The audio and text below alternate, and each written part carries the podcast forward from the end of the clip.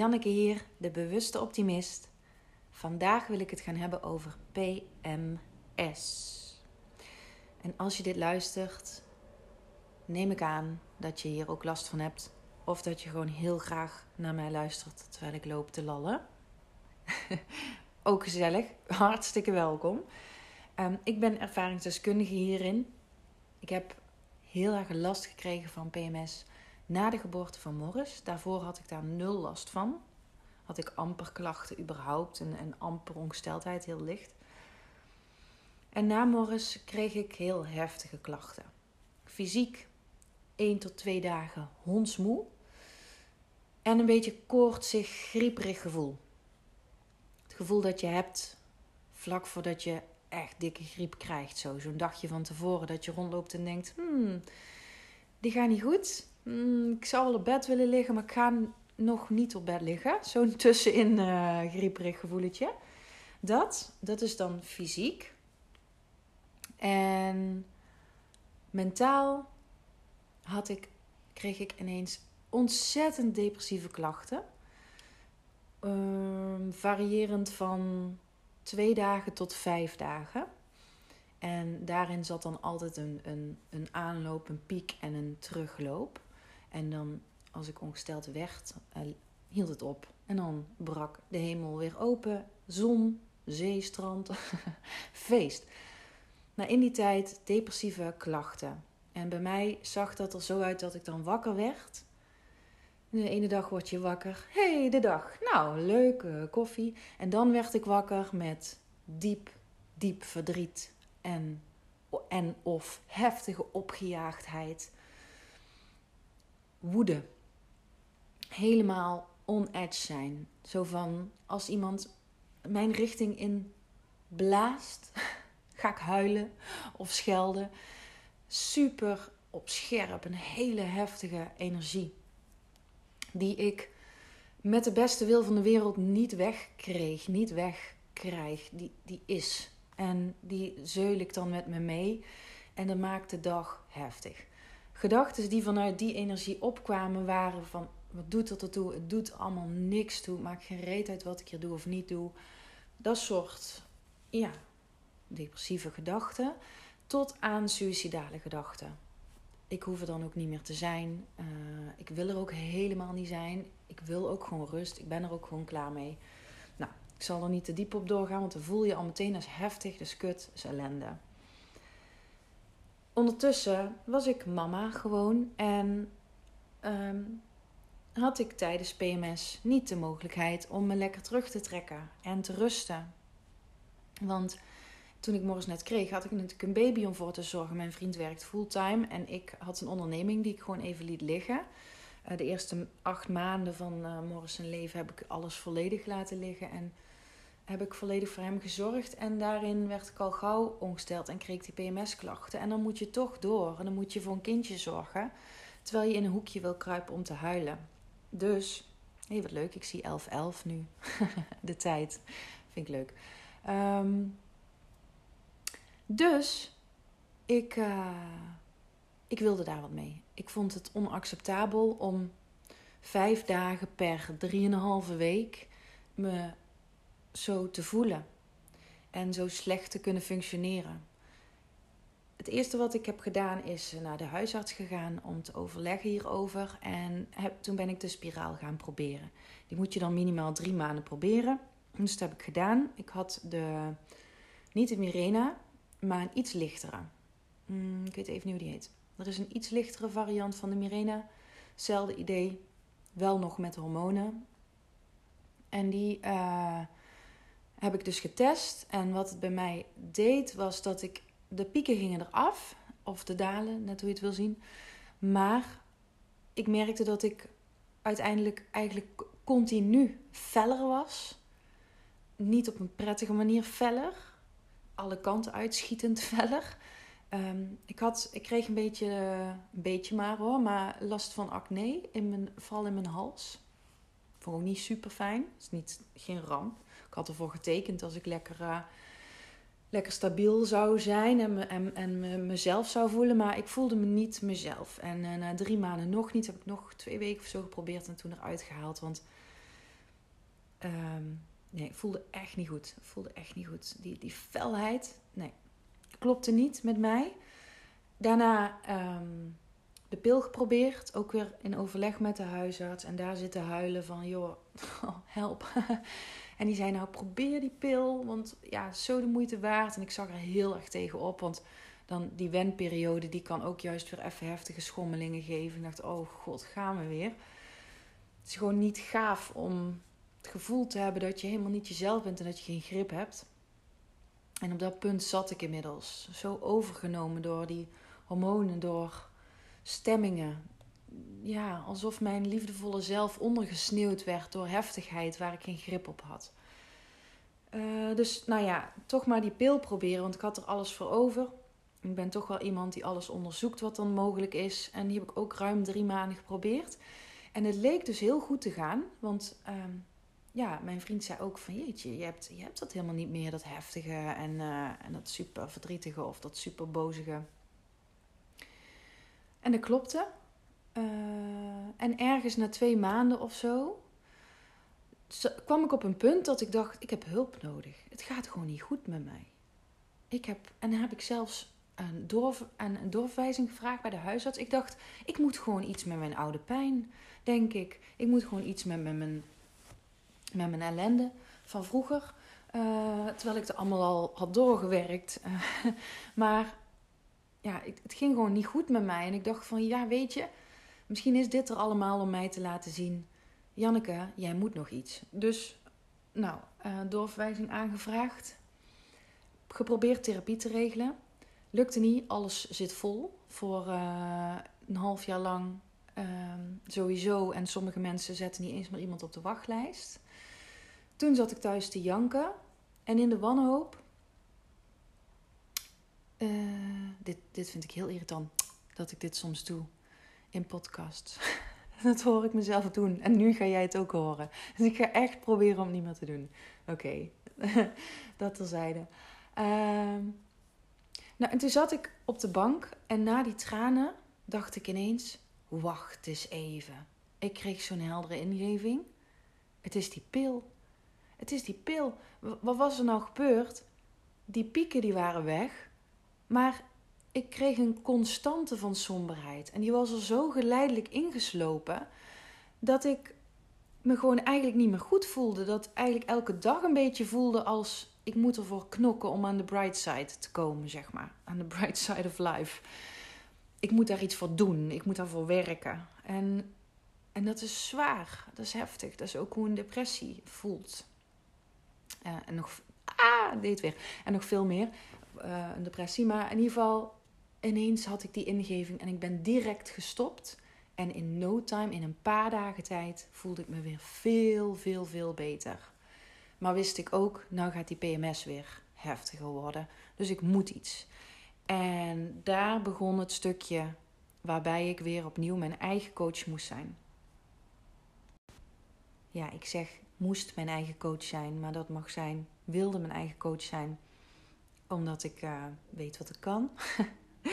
en uh, weet dat dat nergens anders te vinden is dan in mijzelf. En, en dat ik daar gewoon ja, nogal uh, goede, goede begeleider in ben. Dus ik ben dat zelf aan gaan kijken. En, ehm, en ik ontdekte heel snel heel erg veel. En dat is een proces geweest van een half jaar ongeveer, waarin ik mezelf weer helemaal mocht bevrijden van heel veel shit die bewust en onderbewust op was gaan stapelen, maar die ik voor lief nam.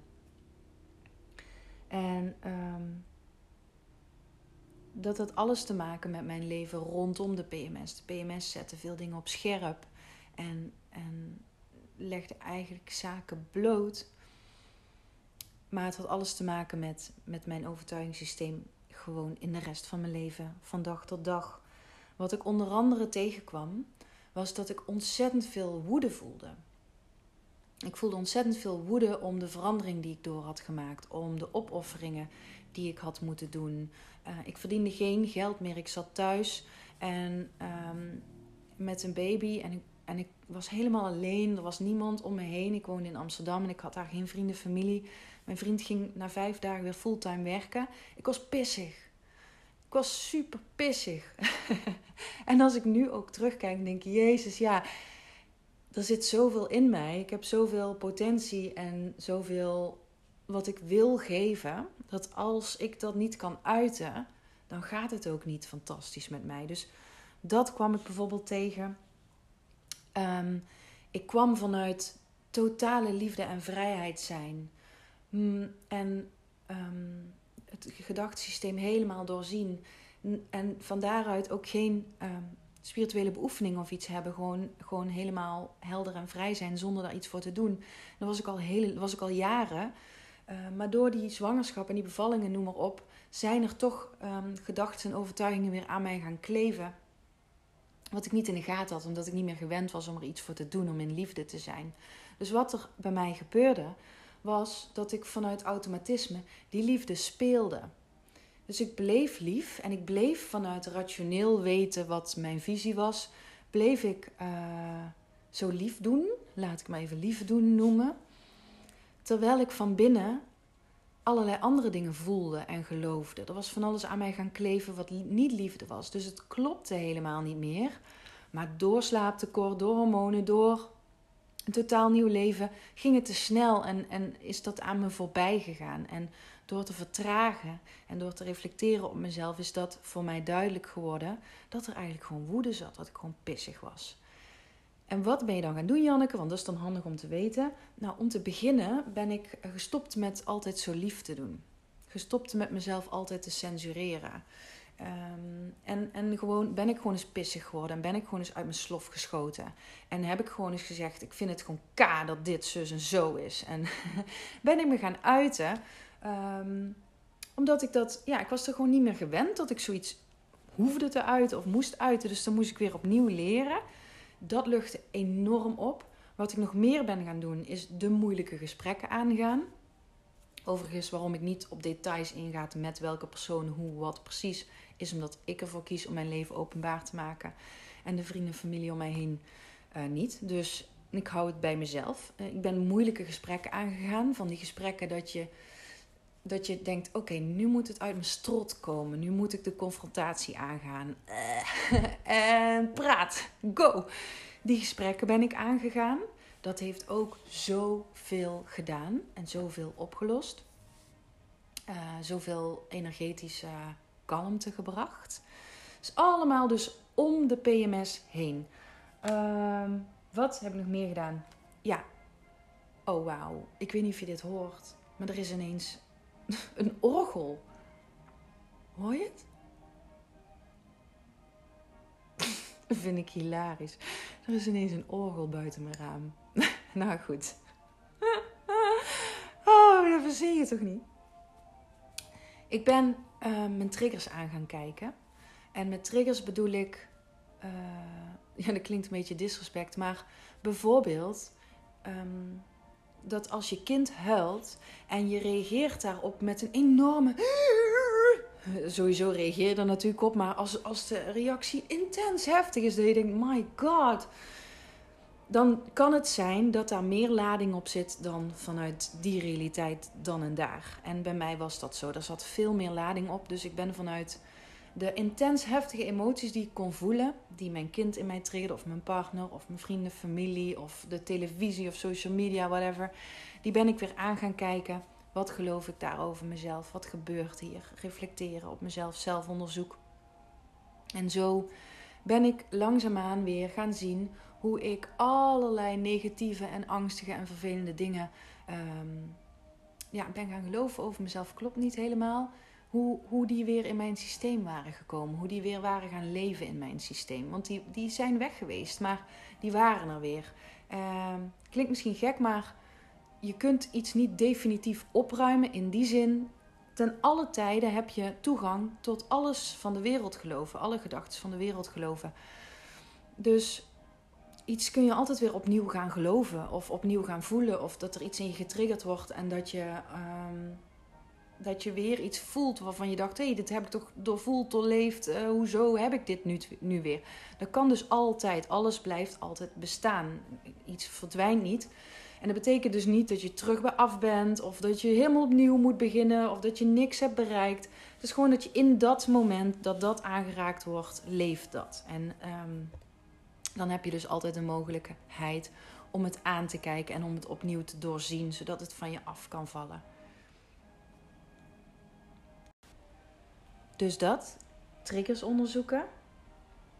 En na al dat ophelderen, opschonen en van me afgooien van pijnlijke negatieve uh, gedachten en uh, relaties die niet lekker zaten door de moeilijke gesprekken aan te gaan, uh, was de depressie en, en, en het suïcidale was er vanaf. Dat ging weg. Dat ging weg omdat ik mijn relaties hielde en de relatie met mezelf hielde. Uiteindelijk is alles relatie met jezelf. Dus um, omdat ik um, eigenlijk mijn, mijn verwarring die ik weer op had gedaan, of die weer leefde in mij, op had geruimd. Wat er wel overbleef was een flink felle energie. Uh, nog steeds kan er wel een soort van verdriet sluimeren. Dus nu is het meer, PMS is meer een sluimerend verdriet soms. Die vermoeidheid sowieso. Um, en dat koortsige. En, en fellere energie. En um, wat ik daar nog mee heb gedaan, is uh, de oordelen die ik daarop had ook aangekeken. Want ja, wat is er eigenlijk zo mis mee om soms fel te zijn en om soms uit je slof te schieten en om soms boos te zijn? Ik merkte dat ik ook zo'n oordeel had zitten op boosheid.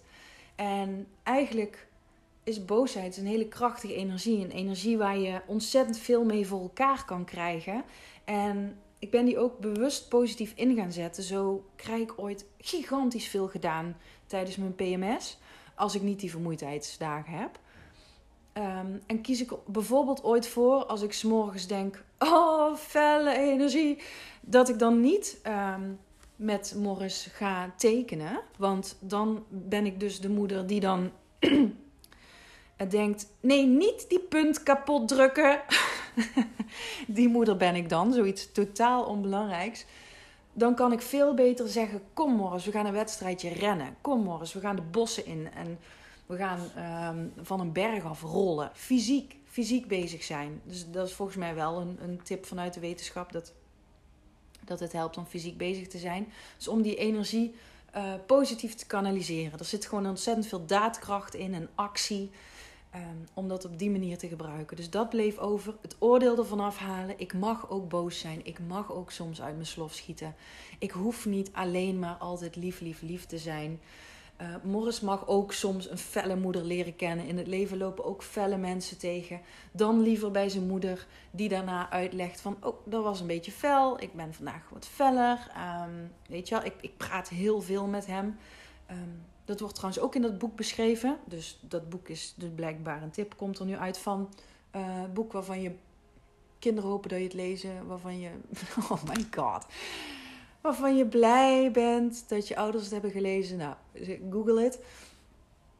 Uh, daar staat ook in dat je zoiets hebt als breuk en herstel. Dus als ik ooit feller ben naar uh, in dit geval mijn partner en mijn kindje, want die ontkomen dan niet aan mij, dan ben ik altijd wel dan, dan kan ik dus altijd herstellen, die zogenaamde breuk of dat felle moment van hé, ja, I know, ik ben feller en dit had zo niet gehoeven en sorry. Um, zonder dat ik me schuldig voel. Want ja, jij zal ook weten als je daar last van hebt, die felheid, het gebeurt. Het gebeurt. En um, ik weet als geen ander, ik heb er alle werk uh, wat ik kon bedenken op gedaan. Overigens, voeding is een ander ding. Uh, daar ga ik het zo nog over hebben. Maar het is onschuld. Het is pure onschuld. Maar ik zeg sorry vanuit liefde voor die anderen. Niet sorry vanuit schuld naar mij. Dus sorry, want ik hou van jou. Sorry, want ik gun jou zachtheid en liefde en fijnheid het allermeest. Uh, maar het was nu even die felheid. Dus dan, ja, goed. Morris leert dan ook over felheid en boosheid en onredelijkheid. Maar ook over hoe je daarna communiceert en weer samenkomt. En, um, en, mijn vriend net zo goed. En die, uh, die weet het ook gewoon. Die weet inmiddels zo goed hoe het dan zit en hoe het dan is. En ja, die is enorm krachtig en helder ook. En die kan dat heel goed um, bij mij laten. die kan het heel goed bij mij laten. Dus daar heb ik ook geluk mee dat hij daar zo goed mee om kan gaan. Maar dat heeft dus ook alles te maken met communicatie. Dus ehm, communicatie naar de mensen om je heen. Van hoe het voor jou voelt en wat er gebeurt. En, en die openheid om dat helemaal open te gooien.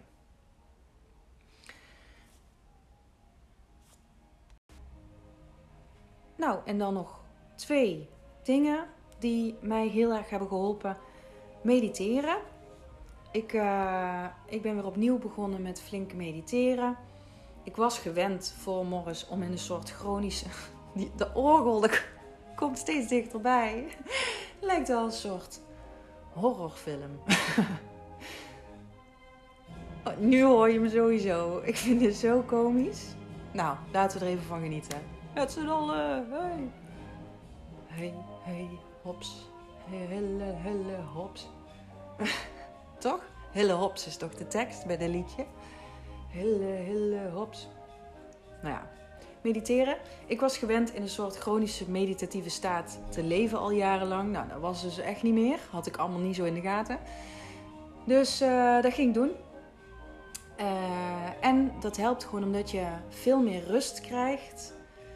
Veel meer um, stilte tussen een emotie die je voelt en het uiten daarvan.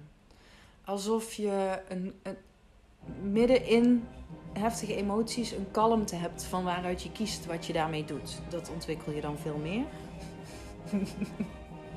ik, ga, ik ga dit echt zo laten, want ik vind het te grappig. Oké, en het andere is: volg je gevoel. Pak als je de ruimte hebt, ben dan zo zacht, zacht mogelijk voor jezelf. Ik gun mezelf zo ongeveer de hele wereld als ik PMS heb. Ik gun mezelf afleiding, ik gun mezelf dutjes, ik gun mezelf extra schermtijd voor de kleine, zodat ik eventjes uh, kan mediteren, whatever works for whoever. Um, ik gun mezelf lekkere chocola, ik gun mezelf af en toe boos zijn, ik vergeef mezelf direct. Ja, het is het is intens. Het is intenser. En, en ik geloof dat het er mag zijn. Oh ja, wat ik ook nog wel mooi vond. Um, toen ik zocht naar wat voor functie dan PMS heeft. En, en, en wat het mij dan brengt. Omdat ik geloof dat alles, alles. Dat je van alles kan leren. En dat je alles kan zien als dienend aan jezelf. Toen zag ik wel dat ik door die PMS terug ben gegaan naar de kern door die PMS ben ik heel diep gegaan. Omdat die PMS zo heftig was, dwong die mij om weer heel diep te gaan in mezelf. Waar ik heel dankbaar voor ben. Want daardoor ben ik weer opnieuw begonnen met coachen. Ben ik weer opnieuw die heldere, vrije vrouw geworden. Die ik gewoon niet meer was. Um, daar ben ik dankbaar voor. En het geeft me contrast. Het laat me voelen, het maakt me nederig. Het laat me voelen hoe heftigheid is. Het brengt me weer in contact met hoe diep je kan gaan. Uh, het heeft me in contact gebracht weer met hoe ellendig je het leven kan ervaren. En, en daar ben ik dankbaar voor, want dat is een grote drijfveer van mij. Als je mij al een tijdje volgt, dan weet je dat ik heel veel heb meegemaakt. En ik deel werkelijk nog niet eens een duizendste van mijn historie. Ook weer voor de privacy van de mensen om mij heen. Maar ik ken hele diepe dalen en hele, hele heftige hele heftige emoties van totale onmacht en diepe pijn en eenzaamheid, verloren, afgestoten, afgewezen. Ja, ja, totale waardeloosheid. En die diepe PMS die ik toen heb gevoeld, zo heftig als ik die toen heb gevoeld, bracht me daar weer mee in contact. En doordat ik vrij ben geworden en daar weer uit ben gekomen, en daardoor weer alles heb aangekeken wat, wat in mij was gaan leven. En wat in een mens kan leven. Wat je allemaal met je mee kan dragen. Als je niet weet hoe je er van je afgooit. Ehm, ben ik dus weer een ontzettend gepassioneerd coach geworden. Met heel veel liefde en met ook heel veel plezier en heel veel succes. Ehm, en daarnaast, wat ook nog een, een deel van de puzzel was voor mij, is de wet van de aantrekkingskracht in de periodes dat het goed gaat en dat het goed voelt, daar intens van genieten. En intens dankbaar voor zijn. En niet te focussen op, oh dadelijk komt die PMS. Dus de laatste stap was eigenlijk om de focus op het wegmaken van een probleem, op het wegmaken van iets negatiefs, daar af te halen en bezig te zijn met alles wat mooi is, waar ik dankbaar voor ben en alles wat ik graag wil en waarom ik dat wil. Dus de focus op het mooie en op het fijne en op de liefde. En, en um, ik mocht hem weghalen. Ik had genoeg uh, gewerkt, genoeg schaduwwerk wordt dat wel eens mooi genoemd, gedaan. En dat was voor mij de laatste stap. Waardoor ik tegenwoordig bij PMS dus ja, een fellere energie heb en, en soms wel een gevoel van sluimerend verdriet zo een beetje voel. Maar dat is het. En daar kan ik dan heel zacht voor zijn. En dat is super goed te doen. En daarin kan ik heel goed samen met Morris verder. En, uh, en ben ik super dankbaar dat het nu zo mag zijn. Ja, dat is mijn verhaal. Ik uh, hoop dat je er iets aan hebt. En ik hoor het ook heel graag van je of je er iets aan hebt, of je er herkenning in vindt, um, of je er misschien vragen over hebt. Ik heet op Instagram de Bewuste Optimist. Daar kun je me vinden en voel je vrij om een DM te sturen als je, als je het hierover uh, over wil hebben. Ja, dankjewel voor het luisteren. Uh, dankjewel Orgel voor de prachtige achtergrondmuziek. Ik hoor straks pas als ik deze even terug ga luisteren of jullie het ook hebben gehoord. Ik hoop het. Zo stom. Wauw. En dan wens ik je alle liefde en zachtheid en helderheid van de wereld. En tot gauw. Dag. Grapje, ben ik weer. Ik zei dat ik nog terug zou komen op voeding, bedacht ik me net. Heel kort. Ik volg uh, daarvoor orthomoleculair op Instagram. Claire en uh, ik weet niet hoe ze met haar achternaam heet, maar Claire en ik zijn vrienden geworden. En ik ga samen met Claire samenwerken. Wij willen body en mind samen gaan voegen. Dus daar ga je nog dingen over horen. Zij is specialist in hormonen, uh, met name PCOS, uh, omdat zij daar ook ervaringsdeskundige in is. En bij haar uh, ben ik nu, ga ik een test doen en ga ik nog het stukje voeding en, uh, en optimalisatie daarin ervaren. Dus daar kan ik je over een tijd mogelijk in meenemen. Maar als je daar nu al meer over wil weten, moet je bij orthomoleculair zijn. Uh, orthomoleculair therapeut is zij. Ja, dat is toch een hilarische naam als je Claire heet. Orthomoleculair. En dan Claire is dan gewoon C-L-A-I-R-E. En zij kan je dan alles vertellen over het voedingsstuk. Oké, okay. dat was hem. Bye!